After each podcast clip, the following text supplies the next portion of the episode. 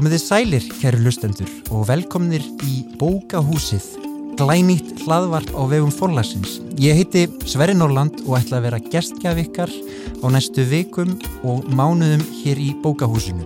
Hlaðvarpi sem mun fjalla um bækur, en ekki aðeins höfundana sem skrifa þær, heldur fólkið sem kemur að gerð þeirra á öllum stegum málsins. Við ætlum að tala við rittstjóra, bóksala, markaðsfólk, starfsfólk á lager. Það krefst nefnilega stórs átags margra að koma bókum til lesenda.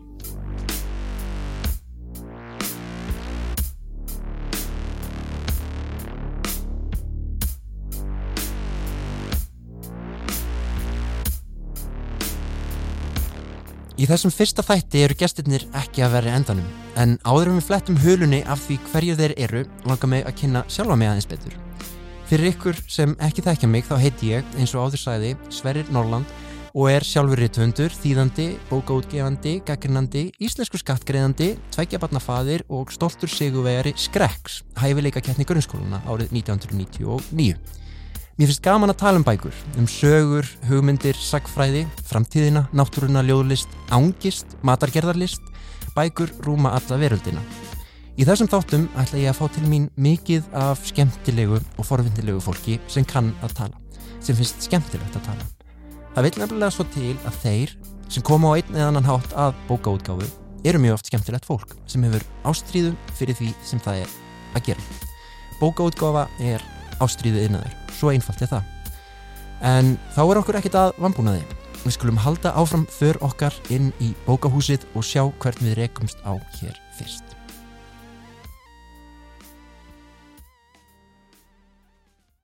Jæja, kæru hlustendur, þá erum við komin hingað inn í betri stofu bókahúsins. Ég rakst hér á tvo unga höfunda sem í haust eru að gefa út sínar fyrstu skáltsugur, ekki sínar fyrstu bækur þó og með okkur er Sigþrúður Gunnarsdóttir, rittstjóri og það vil svo til að hún hefur rittstýrt báðum þessum höfundum, Fríðu Ísberg og Ingólfi Eiríksinni og ekki nómið það heldur hefur hún einnig rittstýrt bókum eftir mig. Við ætlum aðeins að skiknast á bakvið tjöldin hvað fælst í því að rittstýra bók, hvernig verða bækur til og hvernig er að vera ungur höfundur í dag sem skrifar á íslensku. Bæði hafa verið yfir með kólan á síðust árum Fríða Ísberg hófleik með ljóðabókinni Slitförin sem kom úr 2017 og vakti síðan ekki síður aðtikli fyrir smásagnasafnið Kláða sem kom úr 2018. Hún fylgdi henn eftir með annari ljóðabók sem nefndist Leðurjakka viður sem kom 2019 og nú er hún að senda frá sig sína fyrstu skáltsugu sem nefnist Merking. Ingólfur gaf í vor út eftirmyndasögu sem nefnist Klón og nú á dögunum kom út stóra bókin um sjálfsvorkun sem er skáltsaga. Verið velkomin hingað inn í betri stofuna. Takk. Ef ég þarna byrja kannski bara á þér Fríða, þú ert búin að vera að skrifa stittir í texta, ljóð og smásögur og núna sendur þér, sendur frá þér þessa skáltsögur sem er merking sem talar beint inn í samtíman, er státar af mörgum personum, mjög mörgum hugleðingum, ýmsum þráðum og er nokkuð laung, 250 síður eða svo. Hvernig var að færa sig úr ljóðinu og smásögunum og skrifa heila skáldsögu? Já, um, það var bara, það hendaði mér bara ágætlega sko. Um, er náttúrulega aðeins annað að plotta. Mm. Ég var einmitt að velta því svolítið fyrir mér. Þú ert svo vandverkur höfundur og skrifar svona setningar og málskreinar sem væri hægt að streika undir og svona. Plottar þau mikið? Það er svolítið plott í þessari bóknafnilega. Já, sko, náttúrulega frelsið við smásöguna er að þurfa mjög lítið að plotta og þetta er svo intuitíft form mm -hmm. smásagan að hérna, stundum bara skrifaru punktu eftir setningu og þá rekkur við og þá veistu að sagan er búin og Já. þú vissir það ekki áður en, hérna, en núna að þá þurfti maður ég fann það að hérna, ég er alveg agaleg í því að horfa á sjónvastætti að ég fæ alltaf leið á öllum mm. karakterinum og ég upplifið það sama með karakterina mína. Ég fekk alltaf leiða en þannig ég var alltaf að bæta við fleirum og fleirum karakterum og ég þurfti að hérna, slátra all nokkrum. okay.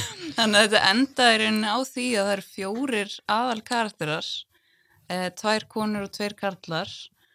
Og síðan eru bara svona algjör aukafræður brefaskipti eh, millir hérna tvekja vinkvina Um, en sagt, já, með plottið ég, sagt, um, ég ákvað bara að reyna að skilja í fyrsta lagi hvernig narratífufræði undir, bara svona undirstöðatri í narratífufræðum þannig ég fór og, og las hellinga af bókum já, um skáldsögur. föstum tökum já, já, þú veist, af því að það var í rauninni þú veist, þú ferði gegnum tveggjara reillistanám án þess að skoða mm. skáldsöguna mikið Ég glemta minnast einmitt á það að þeir eru bæði nemar úr rillist við Háskóli Íslands. Já, já.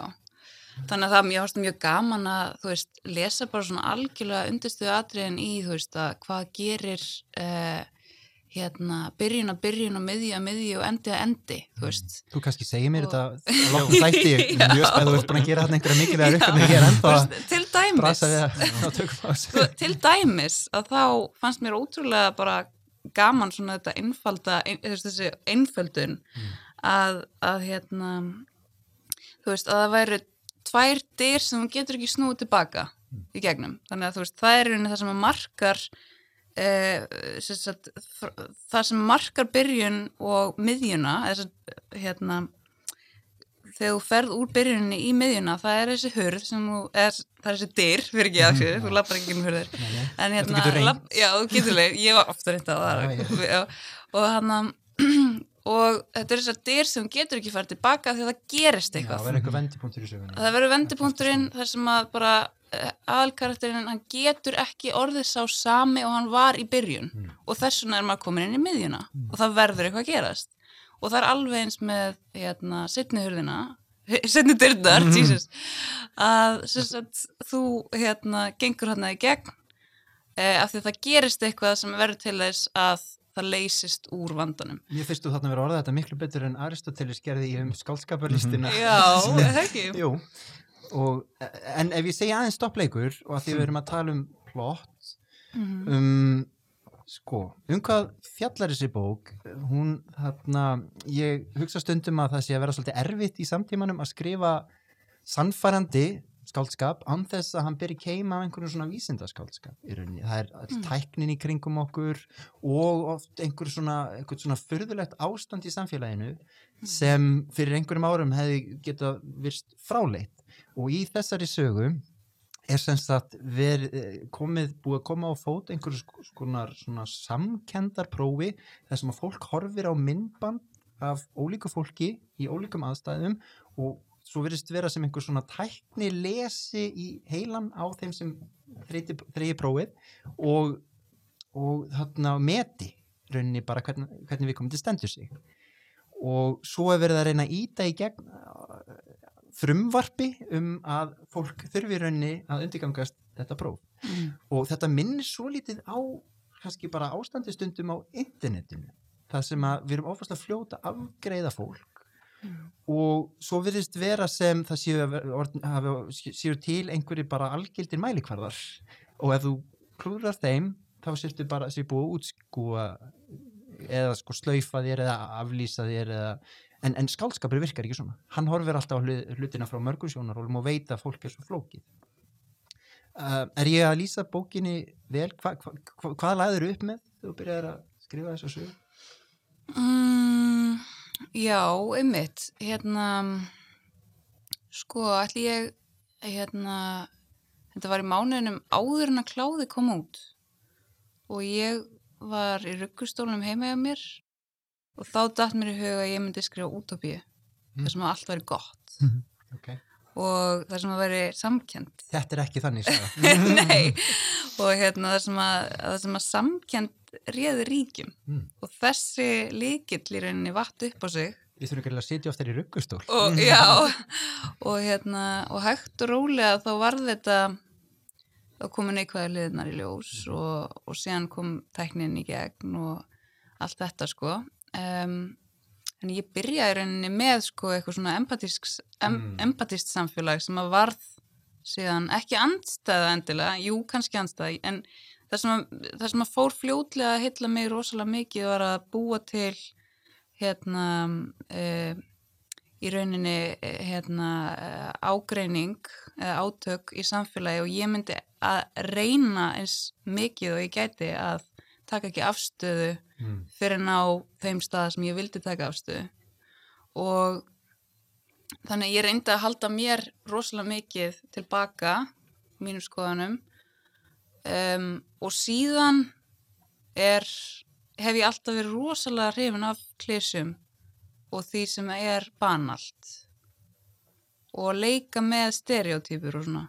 Þannig að það var svolítið svona leikitt líka í verkinu að þú veist að hérna hvað hugsaum við um þegar við hugsaum um siðblinda mannesku og síðan reyna að leika með stereotypuna í staðin fyrir að forðast hana og beigana og skoðana og veist og, og, og væntingar lesandans auðvitað.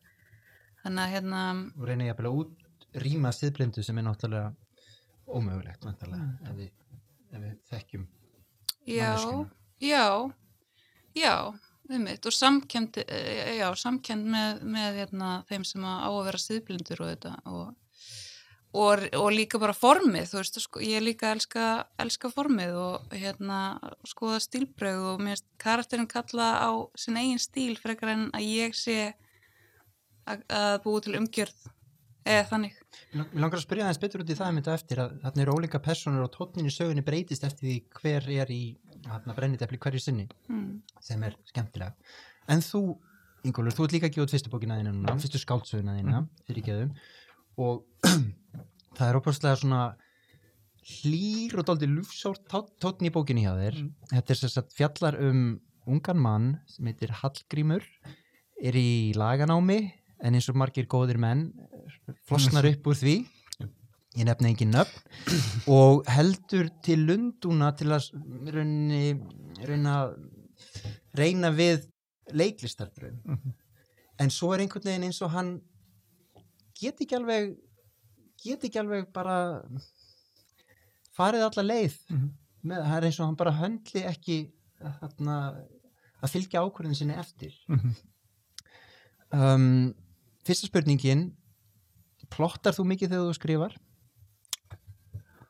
Um, nei, ekki, ekki sko, ekki fyrirfram. Ég held að það sé fyrir mér ef ég, ef ég reyna að plotta, ég tengja það rosa mikið við sko, uh, sko ef ég, ef ég, ég plotta eitthvað þá er ég fyrir að ofhugsa hlutin og þegar ég fyrir að ofhugsa það þá verður það, mjög erfitt að koma þeim á blað, þannig að mér finnst miklu, af því að þá er ég svo mikið að halda um, að reyna að halda völdum yfir eigin texta sem að ég hef bara átt að með á það að undir meðdundin mín er miklu, miklu, miklu gáfaður en ég uh, og mér finnst miklu hérna, miklu gjöfulla að ég raun bara sleppa Já. algjörlega tökum og leifa bara Mm. því sem að kemur að koma og þar með kannski þjarmar er líka eins mikið að personunum ef þú ert ekki að óta upp einmitt. það er alltaf einhverju fléttu Já, og þá einmitt held ég líka að þú dettur í sko um, þá- dettur mik miklu frekar í því að, að, að segja einhverja svona röklega frásögn þar sem að personur eru uh, samkvæmur sjálfum sér og þar fram eftir veginn. Eitt sem ég staldraði sérstaklega við því ég var að lesa bókina er þarna að það er, það er aldrei mikið að hugleðingum um skrásetningu veruleikans Já. og dagbókarskrif Já. og hann Hallgrímur átti frænda sem Mhm. hétt Gísli, mm -hmm. mann rétt Mhm. sem uh, gefur Hallgrími fyrstu dagbókina sína Mhm. gott að það er ekki þegar Hallgrímur er að fermast eða aðeins fyrr Já. og upp frá því gefur hún, hún eina dagbók á hverju ári Mhm. og Hallgrímur tekur að skráfesta veruleika sinn. Mhm. En setna í sögunni kemur í ljós að þessi gísli Mhm. var haldin þráhyggjukendri skrásetningarþörf sjálfur Mhm. og, og eiginlega skrásetti lífsitt svo nákvæmlega að það nær engri átt Mhm. og mér var að hugsa til bensku bókar eftir Sigur Pálsson Mhm. skáld og, og rittöfund sem lýsir þessu sjálfur þegar hann var barn Mhm. að alast upp þá reyndi hann þetta sjálfur hann Mhm. reyndi að skrásetja allt sem Mm, gerðist jú. en hann náði náttúrulega aldrei utanum þetta Mhm.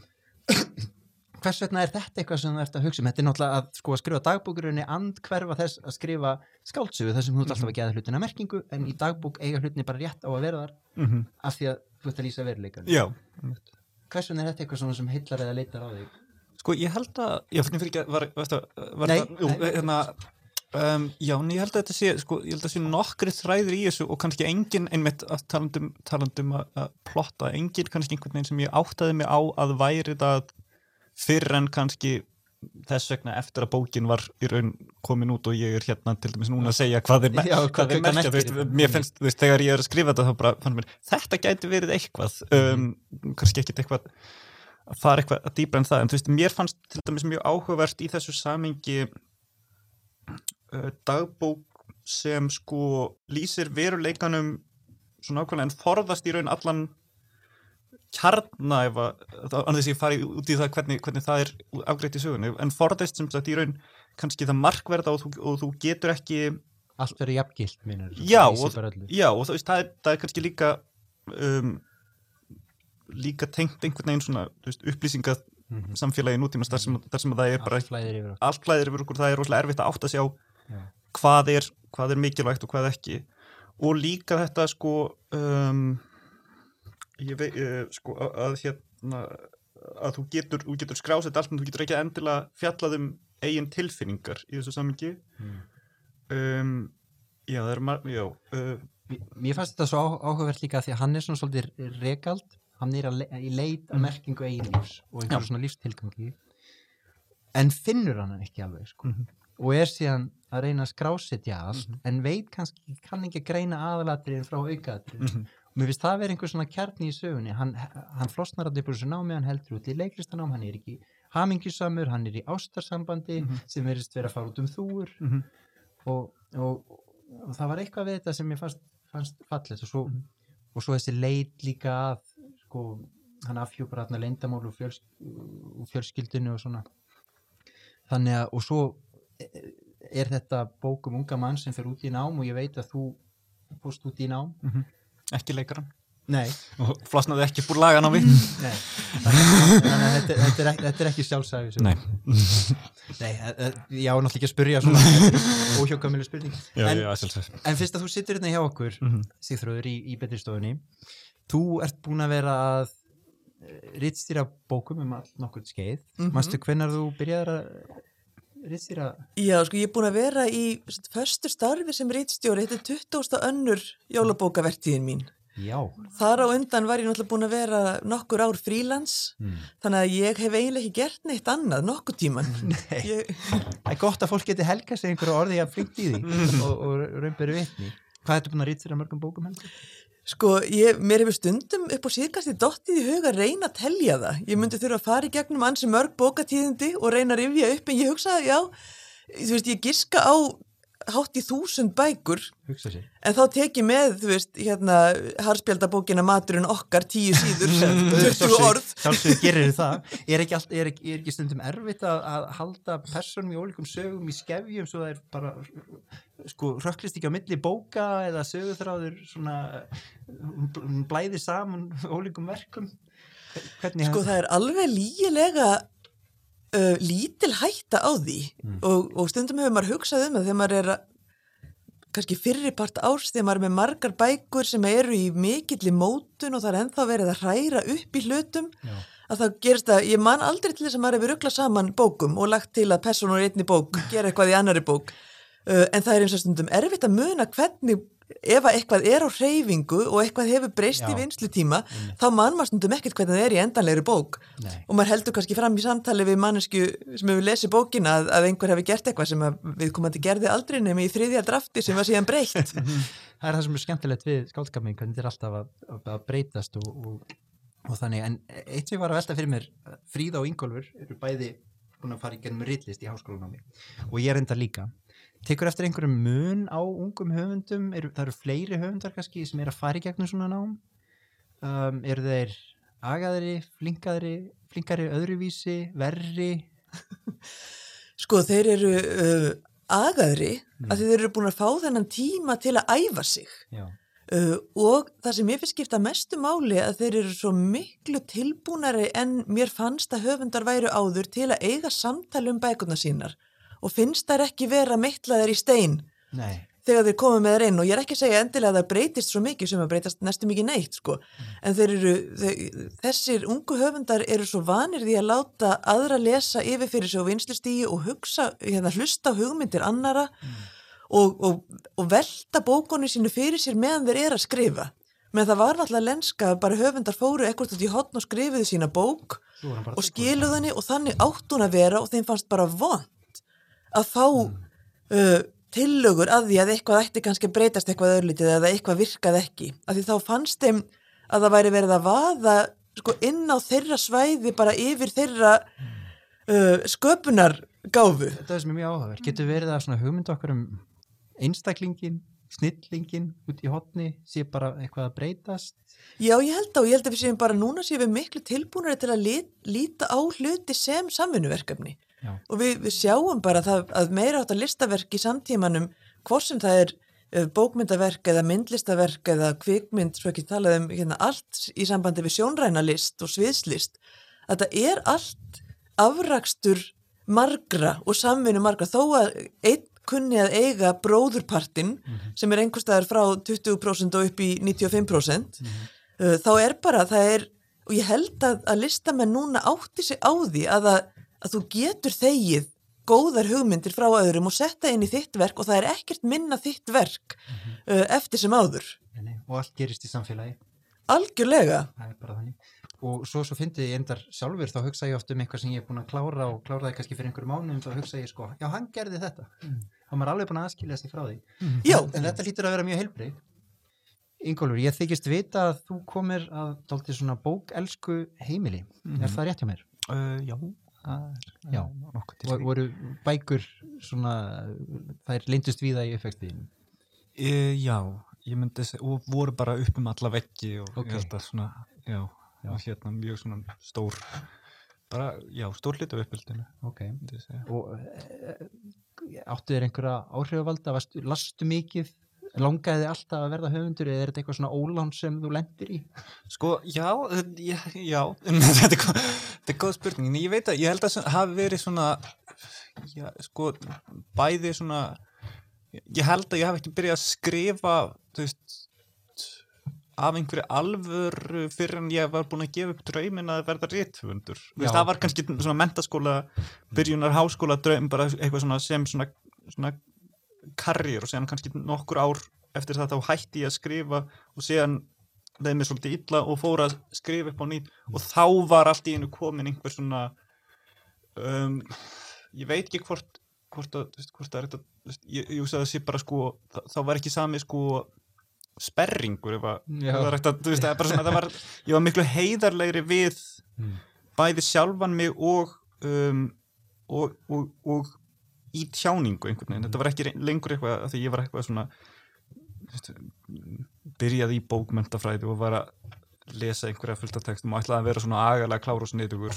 Er það ekki bara stundu kallað lífsreynsla? Jú, ég held það nefnilega. Svona, vildi ekki, já, en, jú, en, en hérna, jú, einmitt og, og hérna já, mér fannst, mér fannst, sko, þegar ég svona um, og mér fannst í raun, mér fór að finna miklu skemmtilegra að skrifa þegar ég var, þegar ég var uh, farin að geta verið einhvern veginn bara einlegur og heiðarlegur við sjálfan mig og var ekki með að mér fannst þessa, þessa pressu um að skrifa góð ljóð sem að vini mínu myndi klappa fyrir Já. Það er líka skínarður svolítið í gegn í þessari skáldsögu að því að það er svona einhver svona reynsla einhver sársöki sem er greinilega Mhm. raunverulegur. Mm Personunar eru allar skýrar Mm. og, og, og þetta ástarsamband, ég held að margir þekki, þekki þessa stöðu að vera í sambandi þar sem manni þykir vænt um einhver Mm. og maður vill að það gangi upp en það gerir það ekki Mhm. og annars að ég vilja spilla sögunni of mikið Mhm. og svo líka bara þessi leit að sjálfum sér maður man dreymir um eitthvað en kannski finnir maður ekki hamingina fyrir maður gefur draumin upp á bátinn Mhm. einmitt eiginlega eins og þú varst að lýsa Mhm. þannig að, að mér finnst þetta kom allt mjög skýrt fram í sögunni en hvað, áttu þér einhverja einhvern mótel, einhverja fyrirmynd? Mm, svona, það, það er ekki svona- nöðsynlegt að, Nei, bara uh, já, bara svo margir, ég meina Fríða er einn þeirra til dæmis svona, veist, það, er, það er bara, já, það er verið, ég geti verið það hér í, í, í allt kvöld, ég held að, ég held samt að fyrsti sko, ég myndi segja fyrsti svona, fyrsti svona höfundin sem, sem tengdist mjög sterkum bara eins og mjög margir var Tófi Jansson. Mm. uh, og svona einhvern veginn svona tótnin í, í múminálunum sem hefur Já. rosalega mikið setið í mér og ég, það, veginn, það er einhvern veginn fyndið að mér finnst uh, þær bækur sem svona hafa mest áhrif á mig og ég veit ekki hvort að það er hvort það meikar einhvern sens en, en þú veist, ég, mér finnst ég alltaf þekkja uh, þekkja múminálfana að einhverju leiti í hérna í því, reyndar, ég verði að koma með innskota því ég var að vinna í kjörstjórn á laugardaginn uh, og þetta var mjög óviðegandi hjá mér uh, en Kristján Franklín Magnús var í kjörtildinu minni Okay. uh, og ég spurði hann þegar hann kom inn, erst þú ekki múmin pappi? og hérna hann, hann, hann, horfði svona mjög djúpt í augun á mér og sagði Jú hann var mjög stoltur að fá þessa spurningu Þetta er náttúrulega, hún er, hún er náttúrulega bara einn af mestu 20. aldar mér, hún er náttúrulega frábær listmálari, svo skrifa hún múminbækurnar sem Sigþróður hefur nú komið nálat hún er komið nálat útgáðu þeirra á íslensku ef mér skjöplast ekki. Og Stemmir. svo skrifaði hún þessar frábæru fullorðinsbækur. Mhm. múmin alveg sögurnar þróuðist alltaf meiri og meiri í það átt að Mhm. vera, verða drungalegri og dýbri og, og, og svo, þá getur hún skrifaði sig áfram þannig að það er ekki leiðum að líkjast en þú Fríða, af hverju fórst þú að skrifa á tímum það sem, er, eru svona margar leiðir til þess að tjá sig í, í, í, í myndum á netinu, hvað er það við bókaformi sem stendst og mun lifa allt af virðist vera Um, ég hef enga, ekkert eitt svar við þessu sko. Það er bara einhvern tímann beiti ég í mig þegar ég var mjög lítið stelpa. Ég ætlaði að vera reytuhundur og það bara eldist ekki af mér sko. Já, við fögnum því Jú, bara. En ég kem akkurat sko frá alveg andstæðu heimili og þú, Mm. Ingólfur, því að þú veist, eh, ég og pappi við vorum bara, hérna, fjölskyldan hans pappa er upp til hópa fimmleika og fótballtafólk og við erum öll bara í útkörfinu hérna í Kópói og það var ekki mikið lesið. Nei, okay. En Og fimmleikar hérna- og fótbolti og Já. lestur geta haldist í hendur ég get, get vitnað um það En ekki reyndar í fimmleikunum, en sorry. En ég upplifði mig alltaf sem sko smá málhalda manneski og ég kem að tungumálinni algjörlega sem gestur upp á það að gera. Ég er alltaf að reyna að ná valdaði sem sko manneski sem hefur ekki valdaði. Þannig að það er svona... bara mjög holdt og, og heiðlega Já. afstæði held ég Ernest Hemingway held ég að alltaf satt að hann hafi lítið orðin sem algjörlega sko, ný og fersk á hverjum degi Mm. ekki það að hann sé mín helsta hetja en sko Mm. ok, en lastu þá eitthvað sem krakki? Já, ég las svolítið sko. Ég neyðist að þessu formi og hérna, en ég var líka bara mjög mikið í, í Nintendo 64 og Playstation og, og hérna ekki einum það. Nei, og hérna, og horfði mikið á, á efni líka. Þannig að, ekki einum það. Já, en heldur að sko bíómyndir og jafnvel tölvuleikir og svona sko frásagnar aðfætti þetta með bíómyndarinnar sem á meiri söndur höggasæk í dag að því að sjónvarsþættir eru svolítið að taka yfir heldur það svona sú, sú, sú sko bygging í frásagn liti hvernig við skrifum. Við skrifum mikið, ungt fólk verið skrifa mikið af smásögum, stittri skáldsögur sem eru svona eins og nóvelur, þetta eru svona form sem rýmar og svo mikið við bíómyndir. Mm, já, ég heldur reyndar að við, sko, bara eins og okkar kynnslóð að allt okkar líf sé litið af því, ekki bara smásögur og, þú veist, bara svona sjá, þú veist, ég er búin að hugsa þetta svo mikið að, hérna, að kynnslóðin okkar uh, þráir uppgjör og þráir ekspressífa tjáningu.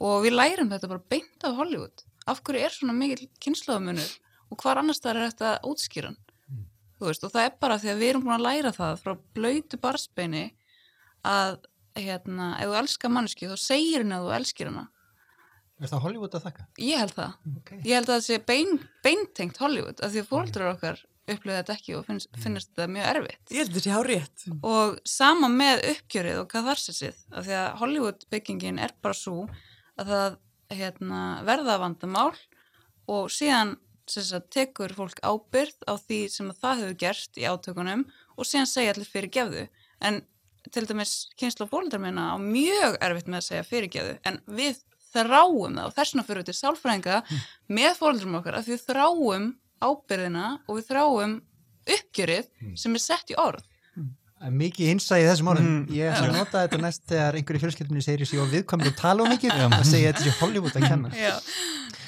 En, en Sigþrúður, hvað gerir Ritstjóri eiginlega? Er hann sálfræðingur fyrst og fremst? Ekki fyrst og fremst, nei, En það en er- í og með. Það er líkið hlutverk líka.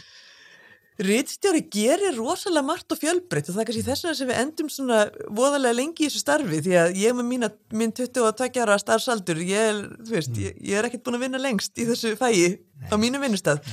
Uh, en svona í grundvallraturinn þá fylgjum við bókinni frá því að hún er hugmynd og þannig að hún kemur út. Við erum fagmenn í því hvernig á að ganga frá texta, hvernig á að búa til bók, í hvað, hvaða hlutir þurfa að gerast og í hvaða röð. Við erum svona hálfgerðir verkstjórar yfir þessu öllu saman.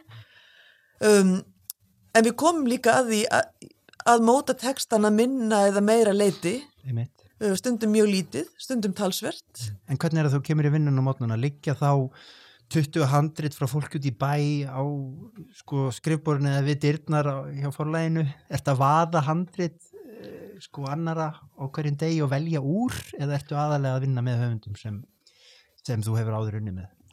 Sko langmestur hluti tímans fer í að vinna að bókum sem er búið að ákveða að gefa út. Og, og það liggur bara fyrir og þær eru á ólíkum stigum hjá manni, sumar eru á hugmyndastígi og munu kannski ekki koma út fyrir en eftir eitt ár eða tvö ár eða lengri, lengri tíma. Og, og aðrar er maður komin í bara svona þetta síðasta verklag fyrir útgáfu. Já. Uh, þannig að stundum er maður að beita djúphugsun meðan að annars þegar er maður, bara algjör verkstjóri um, en jú, við erum líka að lesa innsend handrit bæði frá þeim sem hafa gefið út áður og, og eins frá nýjum höfundum sem langar að, að gefa út í fyrsta skipti eða erlendarbækur sem við erum að velta fyrir okkur hvort það sé ástæði til að þýða Mm. Það er sagt að annað hver íslendingur gefa út bók yfir æfina. Það langar náttúrulega marga að skrifa. Hvernig veluru til dæmis bók ef þú ert að lesa bara kallt eitthvað handrit frá einhverjum út í bæ? Þetta er kannski, er erfitt að svara þessu spurningu. sko, hún verður að kveikja á einhverju hjá manni Já. maður verður að verða hrifin af henni Mm. og við, það er svona motto í bókaútgáfu að ef að enginn á forlæginu eða á bókaforlægi, það var lítill stafur í þessu uh, er hrifin af bók og er tilbúin til að berjast fyrir henni, þá er engin ástæð til að gefa hann út. Þá verður einhver annar að gera því maður verður að brenna fyrir því sem maður er að gera.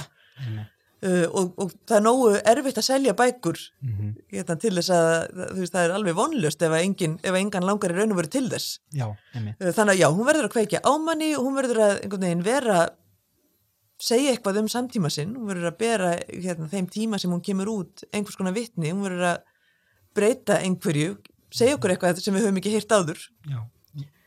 Erum eiga erindi við um heiminn, Já, algjörlega.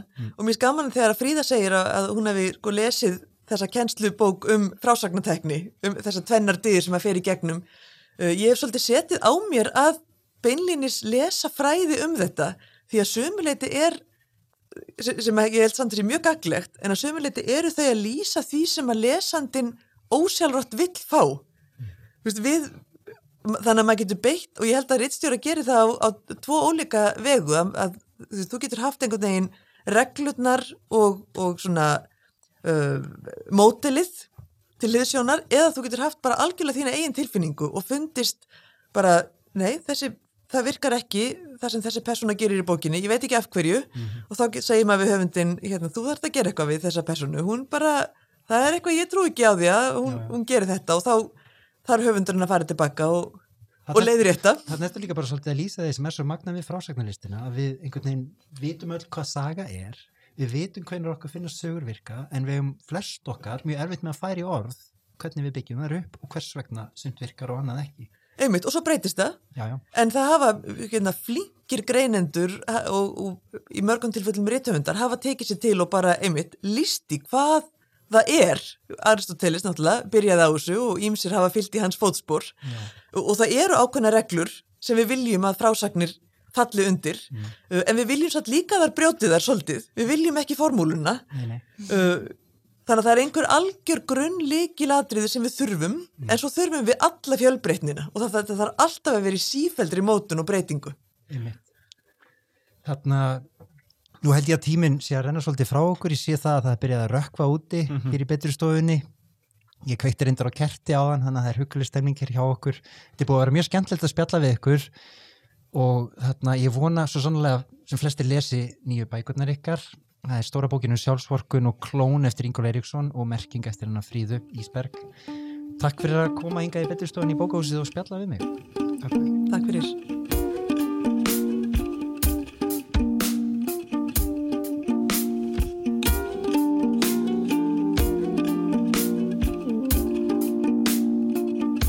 Haldur Guðmundsson er hlustendum eflaust að góðu kunnur enda hefur hann komið víða við í íslensku bókmynda og menningarlifi á blómlegum starfsverði. Hann starfaði við bókaútgáfi frá meðjum nýjunda áratug síðustu aldar og var lengi vel útgáfustjóri máls og menningar. Hann var fórstjóri hörpu á árunum 2012-2017 og hefur tvísvar stýrt þáttöku landa í Frankfurt bókamessunni með miklum bravúr. Íslands árið 2011, Norraugs árið 2019. Hann er nú formaður þjóðleikúsráðs. En Haldur hefur líka sjálfur skrifað bækur og raunar stór skemmtilegar bækur. Hann hefur sérhæft sig í að skrifa um bókmyndaarf þjóðarinnar og engum kafað í líf nokkur að helstu skáld í öfra okkar á 2000. Til að mynda í henni stórfínu skáldalíf ofvitin úr Suðursveit og skáldið á Skriðuklaustri sem fjallaði, líkt og glöggir lustendur vita, um Þorberg Þorðarsson og Gunnar Gunnarsson og kom út árið 2006. En tveimur árum fyrr, árið 2004, hlaut Haldur Íslensku bókmyndavelunin fyrir þrekverki sitt um nafna sinn Lagsnes. Naus þykka æfisugu Nobelskálsins sem höfundurinn las nýlega sjálfur inn á hljóðbók og er enn að jafna sig.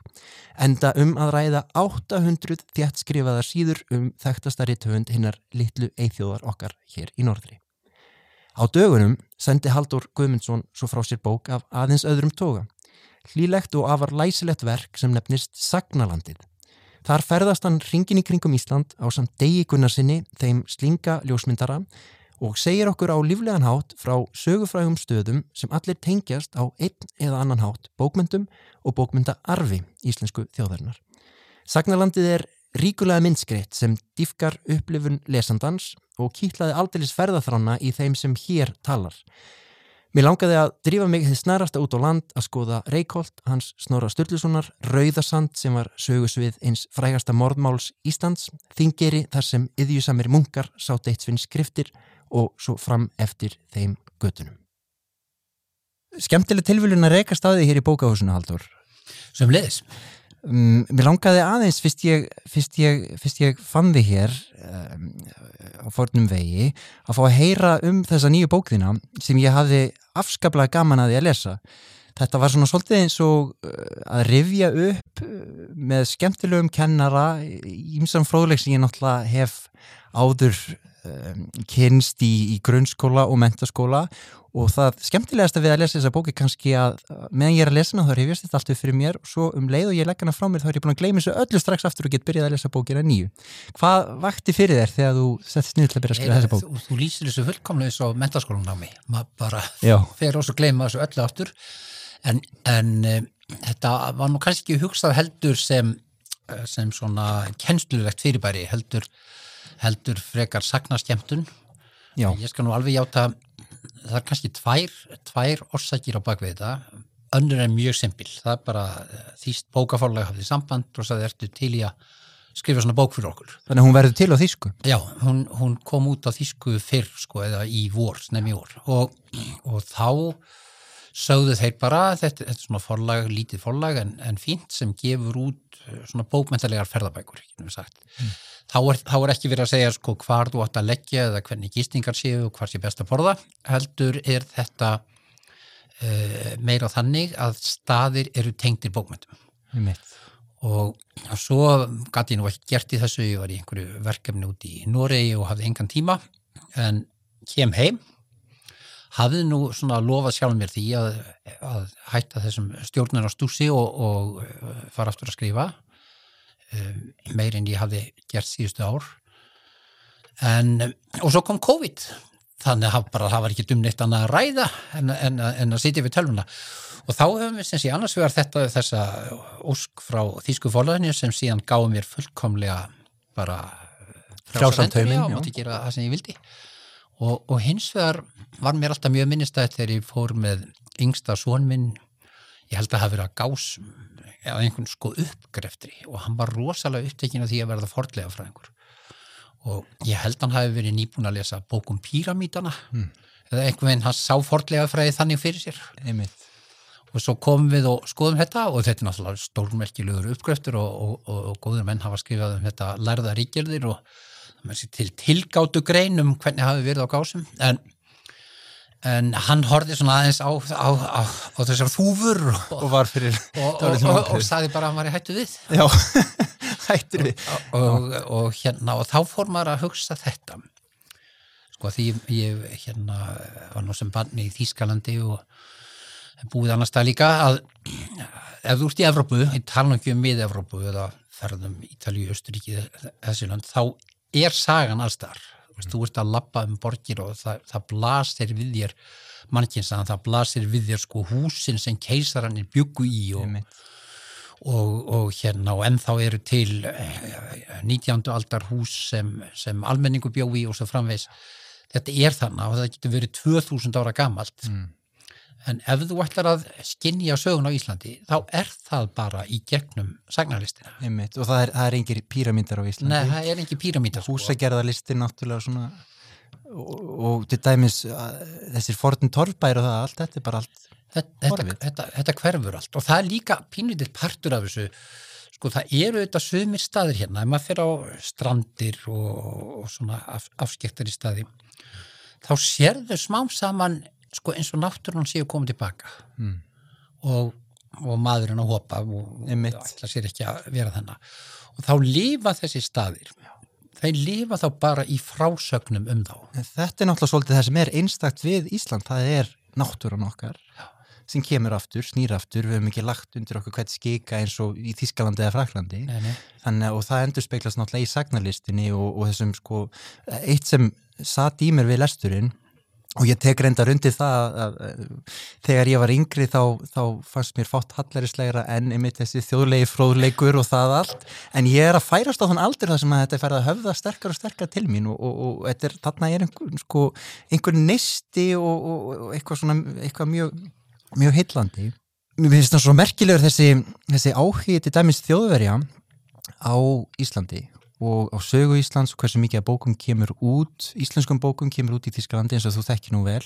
Og ég kannski hef meiri insýn e, líka inn í útgáðin í Fraklandi þar sem er mikill áhugi á íslenskum bókum. Og mér finnst alveg merkilegt að, að þessi bók sé pöntuð frá Þísklandi þannig að maður það er greinilega að panta hjá þau bækur líka til að, til að fá þau til að skrifa þér en, en þarna hafa Íslendingar mikinn áhuga á sögu þjóðarinnar? Erum við er virkur og lifandi áhugi finnst þér á öllum þessum sögum, lifa þær enn með okkur?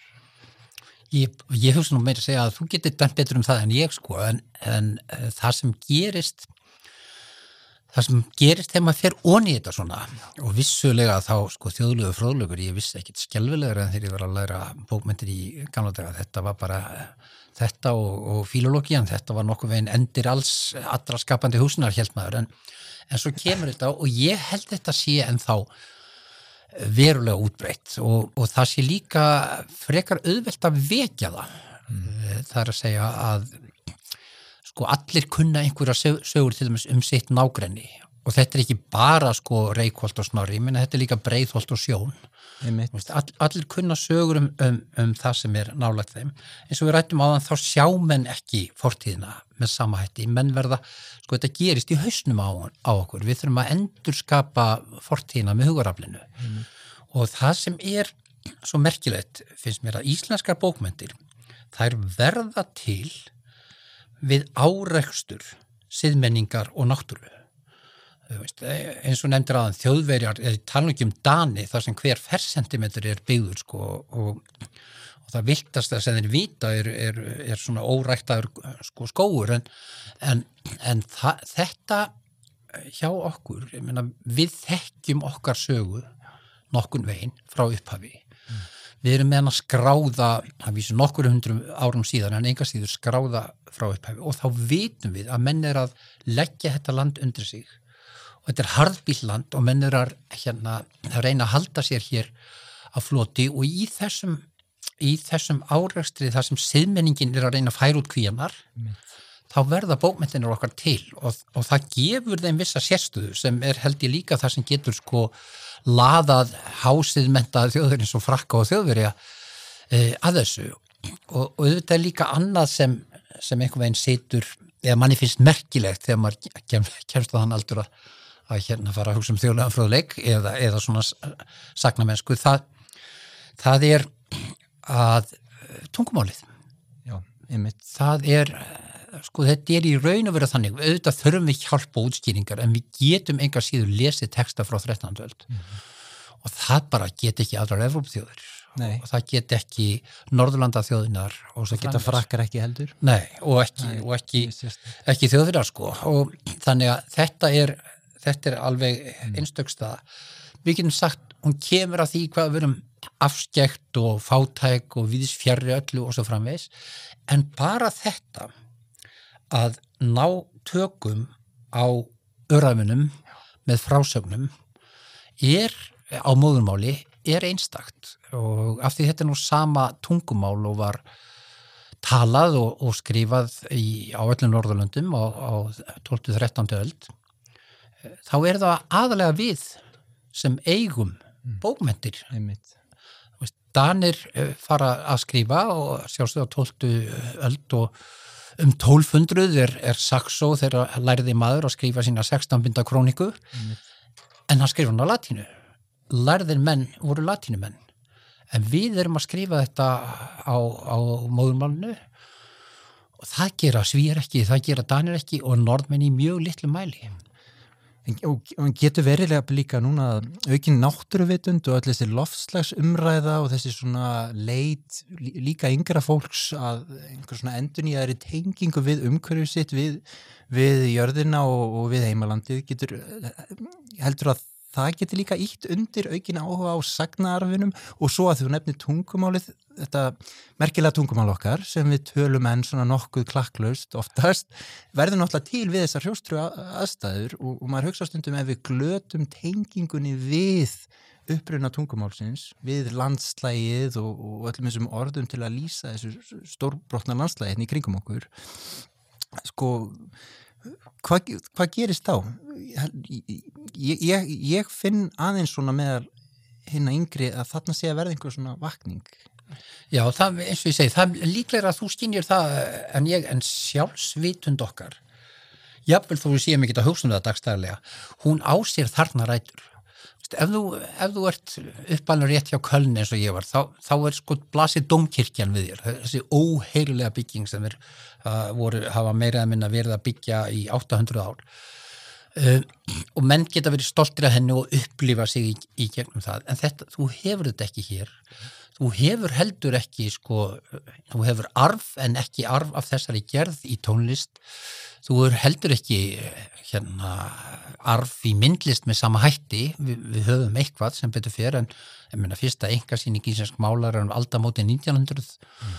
þegar Þóraðan B. Þorlarsson seti myndir á Verslunarhúsuninu Glasgow hérna, það er bara fyrsta engasýning íslensk málar þannig að ef þú ætlar að skinja þú veist, af hverju við búum við hérna hvað er það eiginlega, hvað, hvað er orsökin fyrir því að Íslandingar hafa þó haldið þetta út allan tíman, þá sækjur það þangað. Já, og þú, af því að þú nefnir sko myndlistina, þú talaði dæmis um, um Kjarval í bókinni og það er svo merkjöld að hugsa til þess þegar hann er að alast upp bara ungu drengur, þá kviknar snemma þessi, list, þessi sköpuna þörf en hann ásýrur en engar fyrirmyndir, aðrar kannski en þetta landslag. Já, mér finnst það alveg stórmerkilegt að, með hann, að hann á sér, sko það er ekkit sapnana, hann kemur kornungur á, á, á borgarfjörða Ístra úr meðalandinu, það er, það er enga myndlist að sjá, það, það eru einhver tímaritt og blöð og, og, og, og menn hafa haft einhverja myndir, myndir en það er, það er engin sko frægir íslenski málara, það er ekkit sem hann getur miðað sig við. Mm. og það sem ég fannst aldrei merkilegt þegar maður er að lesa um hann að og fyrsta sem að teikna er þegar hann er spurður hvað fær þig til þess að teikna þá er það skip mm. og hann er sko teikna skip á, á, á serviettur og bordúka út um allt ef þú sko skoðar hérna Þórberg þá segir hann, og hann er líka hann fyrir austan, ekki á sömu slóðum, en, en, en fátækur sveitastrákur á austan. Mm. Það sem hann sér, það eru hinn hvítu segl, það eru skipin út í sjóndeldarring, þetta eru franskar skonnortur. Gunnar Gunnarsson í fjallkirkjunni, hvað er hann að sjá?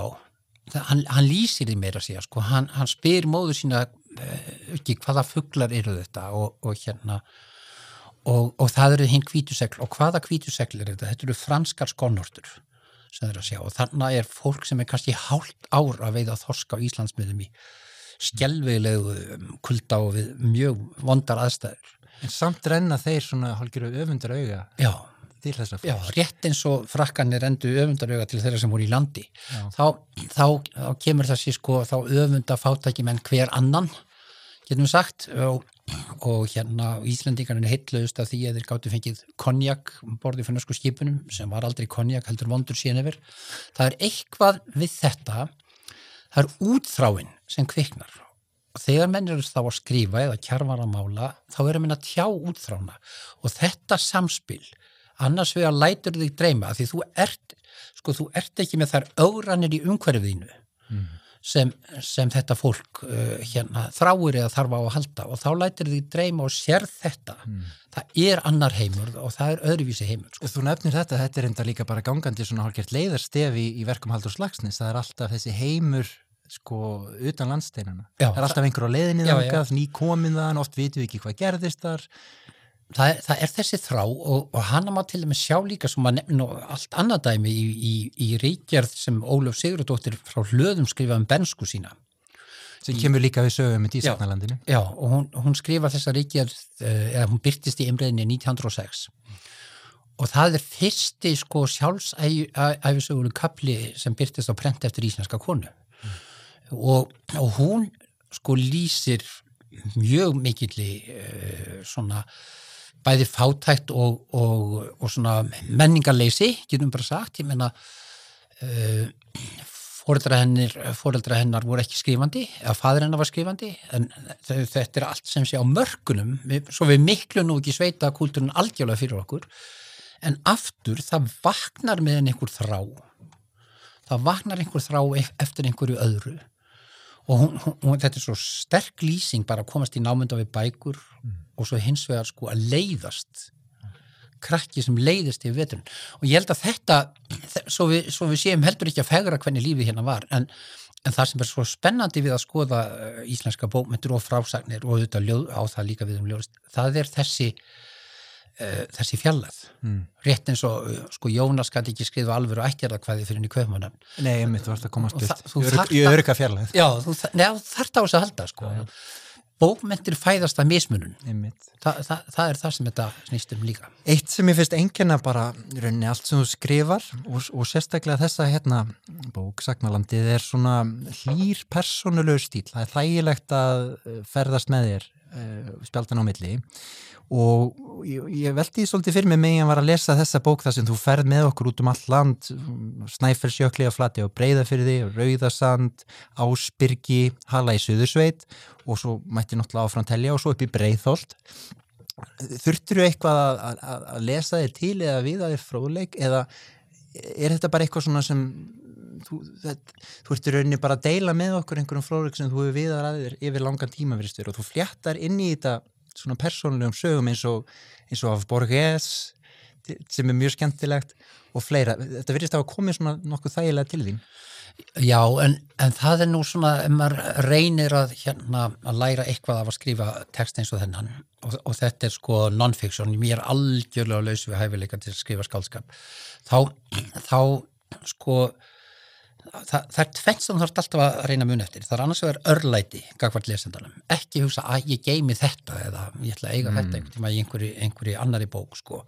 þú, þú, þú verður að hafa, hafa það og svo verður að reyna að skrifa þannig að lesandi viljið vilji verða þeirra samferð það, má ekki sjást áreynslan ég auðvitað hef ég komið á alla þessa staði og, og oft á sögma þeirra en, en ég þurfti líka flett upp og gáða þessum mögulegum hlutum og, og sumt mann maður náttúrulega bara rámt sko Það og þannig að Þannig að er mikið, að því að stíliðin er svo, svo þægilegt að lesa, er mikil áreynsla að baki skrifunum. nei en til til Liggur á gólfinu og yngistum. Nei, Er- ekkert þannig það, það, það, það ég hef nú sent segja það en auðvitað sko stundum ertu stopp mm. menn þetta er alveg sama eins og bara í öllum skrifum stundum finnur ekki setninguna og, og ég bara játa það líka fúslega þegar ég byrjaði þá er ég ekki æfingu. Nei, Skilur, þá hafði ég verið úti, ég skrifaði þar nokkra svona uh, essagjur en það, ég skrifaði hér á dönsku. Þannig að maður þurfti að koma sér aðeins í, í þessar stellingar því að þegar ég skrifa bókinum Haldur Lagsnes þú veist, þá þú, þú heldur að þú set að skapa eina personu sem er aðal personu þessu tilfiki Haldur, en þú ert alltaf að búa til tvær en þess að hinn personan er sögumæðurinn þú býrð til einhverja mynda sjálfur sem er miklu viðkunnulegri en þú í raun og veru ég, ég kannast við það. Já, þú býrð hennar til og, og þannig að lesandi vil, vil ég sko verða samferða þér að heimsækja haldur sko. og líði vel með þér. Já, og treysti þér. Já, og þess vegna hef ég líka þannig, en ég líka bara því mér finnst það skemmtilegt veist, þetta, Haldur var mikil frumrannsókn, hann er það er engar frumrannsóknir í þessu. Uh, en, en þá, þá verður þú bara að reyna að vanda þig líka að, að flétta inn persónulegum hlutum án þess að láta allt snúast um þig. Einmitt. það er svona sá balans sem maður reynir að finna. Að þú vilt, vilt koma með og þér finnst þú sko kynnast einhvern, vera samferða sögumanni en, og það er líka það vonandi sem skilur þetta bara frá einhverjum algjörlega þurrum fróðleik sko. En, en, eh, en þú mátt ekki samt gera það aðalatrið þú, og þú kemur til að mynda við á, á glúfrasteini á Nobelskáldinu og þar lýsurum til, til að mynda sko daglegum vinnu aðstæðum hans þar sem hún auður hugsaði afskaplega vel um hann. Og, og ég hef stundum því að vera að lesa um lagsnist að hugsa ég sko hvað þetta hafi verið sko góðar, þægilegar vinnuaðstæður fyrir rítum, það er allt innu kallað Halldór, það er komið kaffi og þú reyndar eh, bendir á að einhvern tímann dvaldistu þarna í nokkra daga eða komst þarna hvernig degi og þá var líka kallað Halldór, það er komið kaffi. Já, hún, hún auður kallaði þá og, ég hugsaði með mér, þetta er nú ekki fyrsta sinn sem hún segir Halldór, það er komið kaffi. Nei, sem hún segir þetta. Og þú náttúrulega eins og aðrir hérna yngri karlhöfundar verður aðeins öfundsjúkur af- Ég er mjög, ég, ég maður vaknar fimm á mótnana og börnum bæði með guppupest og maður er í þúsund verkefnum og, og, og, og maður hugsa sko, maður hugsa svona næstu í þegjandi þörfina. Svo, svo dinjaði lúsabrifin Já, já, svo maður bakveikur og, og svo kallt en, en, en þarna þessi bókmyndasaga okkar, þetta er náttúrulega svolítið mikil kallasaga. Já, og það er ekki fyrir ná 19. öld sem rödd hvenna tekur eitthvað að heyrast. Já, það- sko eins og hún Helga Kressi hún skrifaði um fyrstu svona nafngreindu skaldkonunnar Já, þær eru, eða svona, já, sem, sem mörg kvæði eru kend við og, og talin eftir þær eru á átjándu öld. Það er Vassenda Rósa, Já, það er einmitt. Guðný frá uh, Klömbrum og það er Látra Björg Já. engin af þeim sá nokkuð tíma staf eftir sig einmitt. bretti það Þa, það er sko það er fyrsta fyrsta ljóðabókin eftir íslenska konu heitir Stúlka eftir Júlíunni Jónsdóttir og kom 1876 að vísu skulum ekki halda að það hafa allt verið morandi í, í bókum eftir Karla Heldur sko, fyrsta fyrsta sinn sem prentuð er bók hér með verallegum kveðskap það er á í Rappsegja prentsmiðju 1774 Jóna Bæisá, þýningar hans Einmitt, á einmitt. norsku skaldi sem nú er löngu glemt Þann, en, en hún, þetta er auðvitað karlægt og svona tilfinning mín er að, að hérna bókmyndanum hafi verið samtar af körlum og lesnar af konum og örglega mikið sko af þessum munnmælarsögum og kveðskap haldið á lífi af konum sem fóru með Já, þetta já. örglega fyrir börn og, og sungu og, og svo framvegis en svo, uh, það, það er alveg örgulega þannig, en svo hefur þetta líka breyst mikið uh, hérna síðustu hundra árin sem betur fer, en að þú segir þetta með, með haldur og menn, það hafa náttúrulega margir haft orða því og það, sko hann drefur einhver dölífið það sjálfur þegar við erum að byggja kljúrastein þá nennir hann ekki að hanga yfir þessu, hann fer á Eirabakka og, og er að skrifa Íslandsklukkan og segist bara að vera vondur í þessu. Og það, það er auður sem situr við síman og pantar byggingarefni og talar við alla sem þarna eru. Það sem ég fannst eins og var aldrei fallegt þegar ég þá, þá er hann sko komin á Reykjalund og, og orðin svona daldi heila bilaður þá, þá kem ég hann all oft og fæ aðgang að allskins skjölum og minnisbókum. Þá er hann ennþá að skrifa meira svona bókmyndalega um hann Reykjarður og, og fleira. Og, og þá spurði ég auði um þetta. Og, og hún segir, hún saði svo fallega sko ég vissi alveg að þetta er því svona ég bara, hún vorkendi sér ekkit yfir því, hún vissi þetta er því svona og, og, og hvernig Haldur væri og hvernig hann yrði. En, en ég gekk að því vitandi vits og þetta var gott líf þetta hugfestist mér svolítið sko. Að geta bara líst sínu viðþorfi sem síndi líka hvað hún var sjálf sterk kona Já, hún er náttúrulega verið möglu eins og allir uh, vita sem, sem hérna hittana þegar hafa, hafa lesið eftir hana mm. þannig að við, hefum heldur ekki sko búið okkur til einhverja þá mynda þannig að hafi, hafi verið einhverja þrælabúður í, í kringum hann sko Nei, nei, nei, nei, sannarlega ekki og maður, maður náttúrulega hlær líka að mörgum þessum lýsingum bara núna í dag. Uh, þessa bók príða afskaplega fallegar og skemmtilega ljósmyndir eftir Dag Gunnarsson Já. sem mér finnst svona, sem í rauninni gæðir og glæðir lesturinn ennþá meira lífi og, og, og vakti svona að vissa svona ferðalöngun í mér til að vitja margra þessara slóða. Já, það, það stóð, stóð alltaf til að, að útbúana þannig upphaflega þá, þá held maður nú kannski að maður myndi gera þetta með myndaböngum og, og líka vera með myndir á höfundum og svona en það er náttúrulega mjög mikið á höfundum fyrir aldar sem við eigum auðvitað engar myndir af og ekki tekníkan í málverk heldur þannig að Við eigum bara orðin. Við eigum bara orðin og þá var það einhver veginn niðurstöðan að fara þarna og, og í fyrra sumar e, í ágúst held ég þá, þá fórum við dagur sem er máur minn um, um land allt og mynduðum og mynduðum og mynduðum og, og hérna og eða hann myndaði en, en, en svo oft er í praktískum málum ég gaf mér að góður ráð og leifbynningar mm. en, en sagði auðvitað líka hvaða var við, við komandi stað sem sem hefði hrifið mig. Og þá var það einlega niðurstöðan endan að þetta eru bara hans myndir í Já, gegnum allar bókinu og allt nýjar myndir og allar teknar á þessu tilefni. Og mér finnst, mér finnst það Já, ég get alveg sagt það þegar ekki ég sem tók það sko, mér finnst það að gefa, gefa henni mjög mikið heldarsvip. Mér finnst það, það er sama stemningin yfir myndunum og sérð handbræðið mm. og mikið eigu við fallegt fallega fóstur jörð. Er nú það sem ég, það sem ég hugsaði og, og, og, og svo líka þegar maður lesa allar þessar sögur og þarna kafar aðeins aftur í fortið okkar þá eiginlega styrkist ástmanns á, á þarna landinu okkar.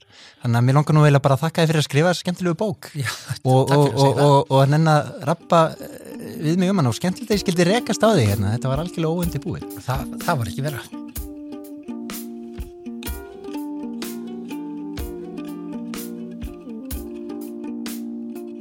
Áður en við kveðjum og höldum heim á leið, út úr bókahúsinu æfintýralega og á vit hverstasleiri veruleika langar mig að benda ykkur á forvitnilegar bækur sem voru að koma út eða koma út fyrir nokkru og eru síkildar, alltaf eins og nýjar. Ég ræk nefnilega nefið inn í bókabúð forlagsins út á fiskislóð sem státar af ríkulegasta úrvali landsins af íslenskum bókum og hafið það með mér nokkrar gersemar. Í þjóðleikúsinu er þessa dagana verið að sína leikverk sem byggist á æfi Ástu Sigurðardóttur, þess stórmerkilega skálds, leikritið nefnist innfallega Ásta. Ásta Sigurðardóttir er eitt mesti töffari íslenskara bókmenta fyrr og síðar, en líf hennar var líka harmbrænt og erfitt. Verk hennar á að lesa þegar maður er 18, 19, 20 ára, rétt eins og skrif Dags Sigurðarssonar, Charles Bukowski, Jacques Kerouac, Silvíu Plath, En þau endast líka vel, sögurnar hennar tap ekki, slagkrafti sínum og áhrifamætti og fylgja manni alla æfi. Nýlega var endurútgefin hinn síkilda sögur og ljóð, en þar má finna bæði þekktustu smá sögur ástu, svo sem sunnundaskvöld til mánundasmorguns og í hvaða vagnni. Ég hugsa oft um þá síðanemdu sem er með eftirminnilegri smásögum sem ég hef lesið og lýsir harmrænu og nöturlegu hlutskipti móður sem hefur neðist til að gefa frá sér bart sitt. Þeir sem vilja kafa dýbra í æfi ástu Sigurðardóttur ættu svo líka að grýpa úr bókabúðinni á fiskislóð hinn að stórfínu minn hlátur er brós eftir Fridriku Benningsdóttur. Æfisögu ástu sem einni var endurútgefin nú á dögunum en kom fyrst út árið 1992. Þar kynist við ástu á innilegan hátt skáldkonunni sem fættist 1. april 1930 á Littlarhaunni í Kolbeinstaðarreppi og dó aðeins 41 árs gömul árið 1971 eftir að hafa lifað skrautlegu lífi sem fjall ekki alltaf vel að borgarlegum gildum þjóðarinnar á þeim tíma. Sem sagt, lesum verk Ástu Sigurðardóttur, lesum um æfi Ástu, horfum á leikritum Ástu, þetta eru gjöfulir tímar fyrir aðdáðundur hennar.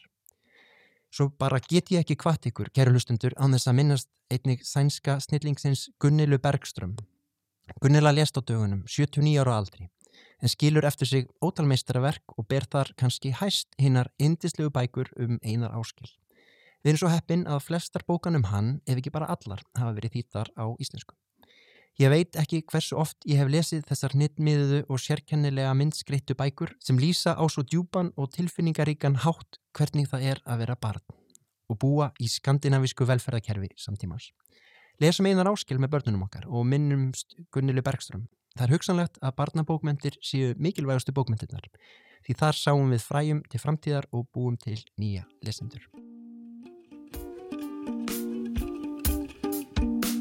Gestir mínir í bókahúsinu, hlaðvarpi fórlagsins, voru að þessu sinni reythöfundurinn og útgáfu reynsluboltinn Haldur Guðmundsson sem sagði okkur frá Sagnalandi. Fríða Ísberg og Ingólfur Eiríksson sem voru bæði að senda frá sér frábæra skáltsögur, merkingu og stóru bókina um sjálfsvorkun og síðast en ekki síst Sigþrúður Gunnarsdóttir, reytstjóri sem hefur á 22 ára ferli reytstýrt um þúsund bókum. Geraðari betur. Stef bókahúsins sömdu snillingarnir sem mynda tvíegið Urmull og Kraðak. Þeir Ragnar Jón Ragnarsson, einni þættur sem Humi og Helgi Eilsson. Upptökustjórn var í örugum höndum Eils Viðarssona. Upptökur fóru fram í stúdíó Harmi. Sjálfur heiti ég Sverri Norland og er leiðsögumæður ykkar og gestgjafi hér um betri stofur og háaloft bókahúsins. Ég laka til að vera með ykkur á nýjan leik í næstu viku. Hanga til, farið vel með ykkur farið vel með fólkið í líf ykkar og lesið bækur. Verðið sæl!